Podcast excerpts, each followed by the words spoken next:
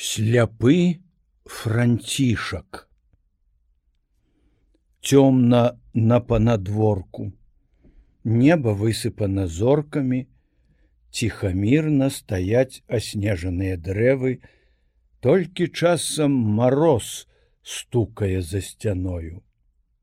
Мой дядька, нібы чакаючы каго паглядзеў у вакно і, павярнуўшыся да мяне, сказаў: « Добрае надвор'е, Мне здаецца, што гасцей у нас сёння не будзе, Дык ты, Янка, успомні што-небудзь са сваіх вучоных апавяданняў.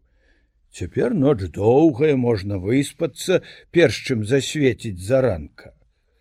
Падалі вячэру, яшчэ седзячы пры стале, я думаў, корпаючыся ў памяці пра розныя падзеі старажытныя гісторыі, выбіраў тыя дзіўныя здарэнні, якія былі б дзядзьку пад густ. Пасля вячэры, ходзячы як звычайна па пакоі, ён прачытаў вячэрнія малітвы і, кладучыся ў ложак, запытаўся: « Пра якіх жа багоў і багінь ты распавядзеш мне зараз? Распавяду дядзечка пра заснаванне горада Рыма. Ці не пра той Рым, дзе жыве яго э, святасць? О гэты сказ мусі быць прыгожы і цікавы. Пра той самы.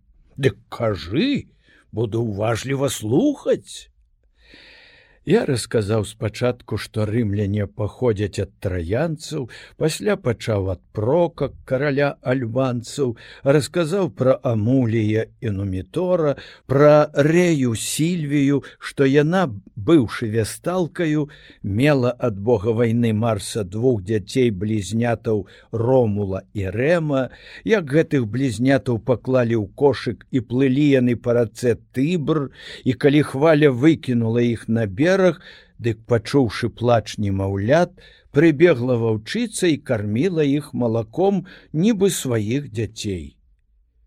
Дядька здзівіўся, што ваўчыца мела літасць і прыхільнасць да дзяцей і сказаў, перапыняючы апавядань і даўней мусілі быць ваўкалакі.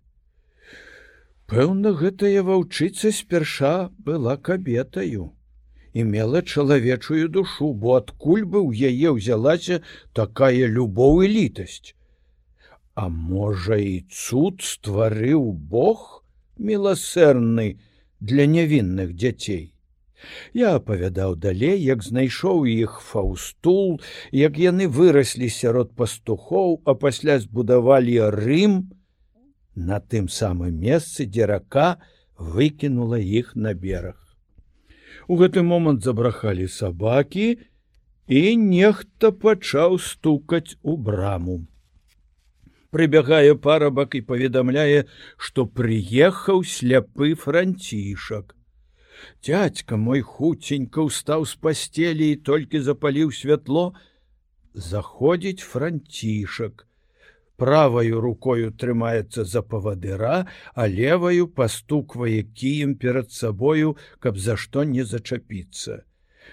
Няхай будзе пахвалёны Езус Христус, сказаў сляпы, пераступаючы парог, А ці дома пан завальня, дома дом, адказаў дядька, Ён з вялікай радасцю вітаецца з ім, сам здымае з яго цяжкія зімовыя пранахі, запрашаю прысесці, пасля загадае выпрагчы коня даць яму аўса, а чалавека, які вёз сляпога напаіць гарэлкаю і накарміць.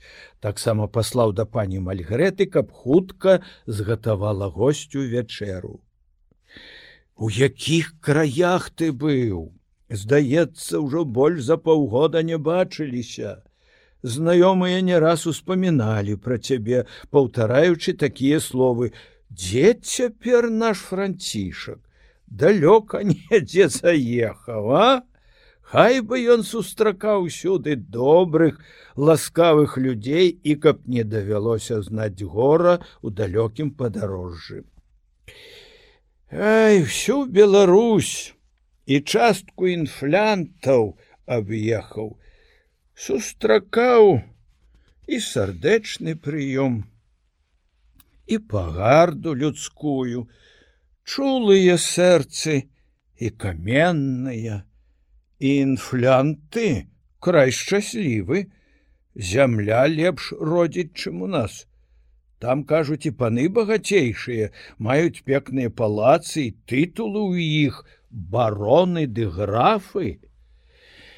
Я сляпы я не бачыў іхніх пышных палацаў. Ведаю толькі, што там багатыя паны не любяць размаўляць з беднымі людзьмі. А ў богі за сваё жыццё не пачуе іхняга слова.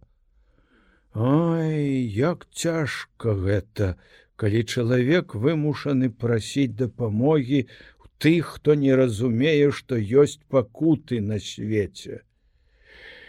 Але я ўжо больш не паеду далёка, сказаў францішак.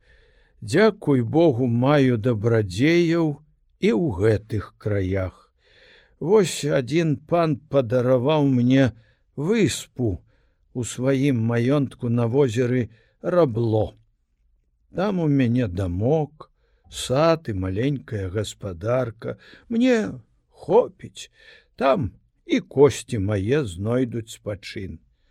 А ведаю тое возера быў некалі на той выспе, сказаў завальня, і тады яшчэ бачыў хаціну на пагорку вакол хвоі шумелі і хвалі на возеры. І хоць краявід там нейкі змрочны аднак мне вельмі падабалася.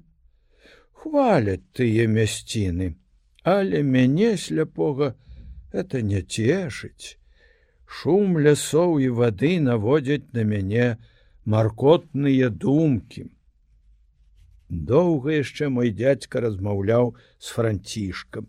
Нарэшце падалі вячэру, ён падвёў сляпога да стала і сеўшы ля яго, стараўся, каб госцю ўсяго хапала. Пасля вячэры ён загадаў прынесці ў пакой ложак і паставіць для сваёй пасцелі. Пасля ўзяў мяне за руку, падвёў да сляпога, расказаў яму, што я скончыў школы ў ксяндзоў езуітаў, пахваліў гісторыі, якія я яму апавядаў, адно што цяжкія імёны паганскіх багоў і іх нельга запомніць.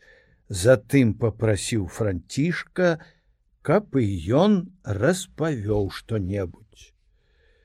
Нядоўгі будзе мой аповед, але цікавы, сказаў сляпы пра дзіўную кабету, якую бачылі ў розных мясцінах Беларусі.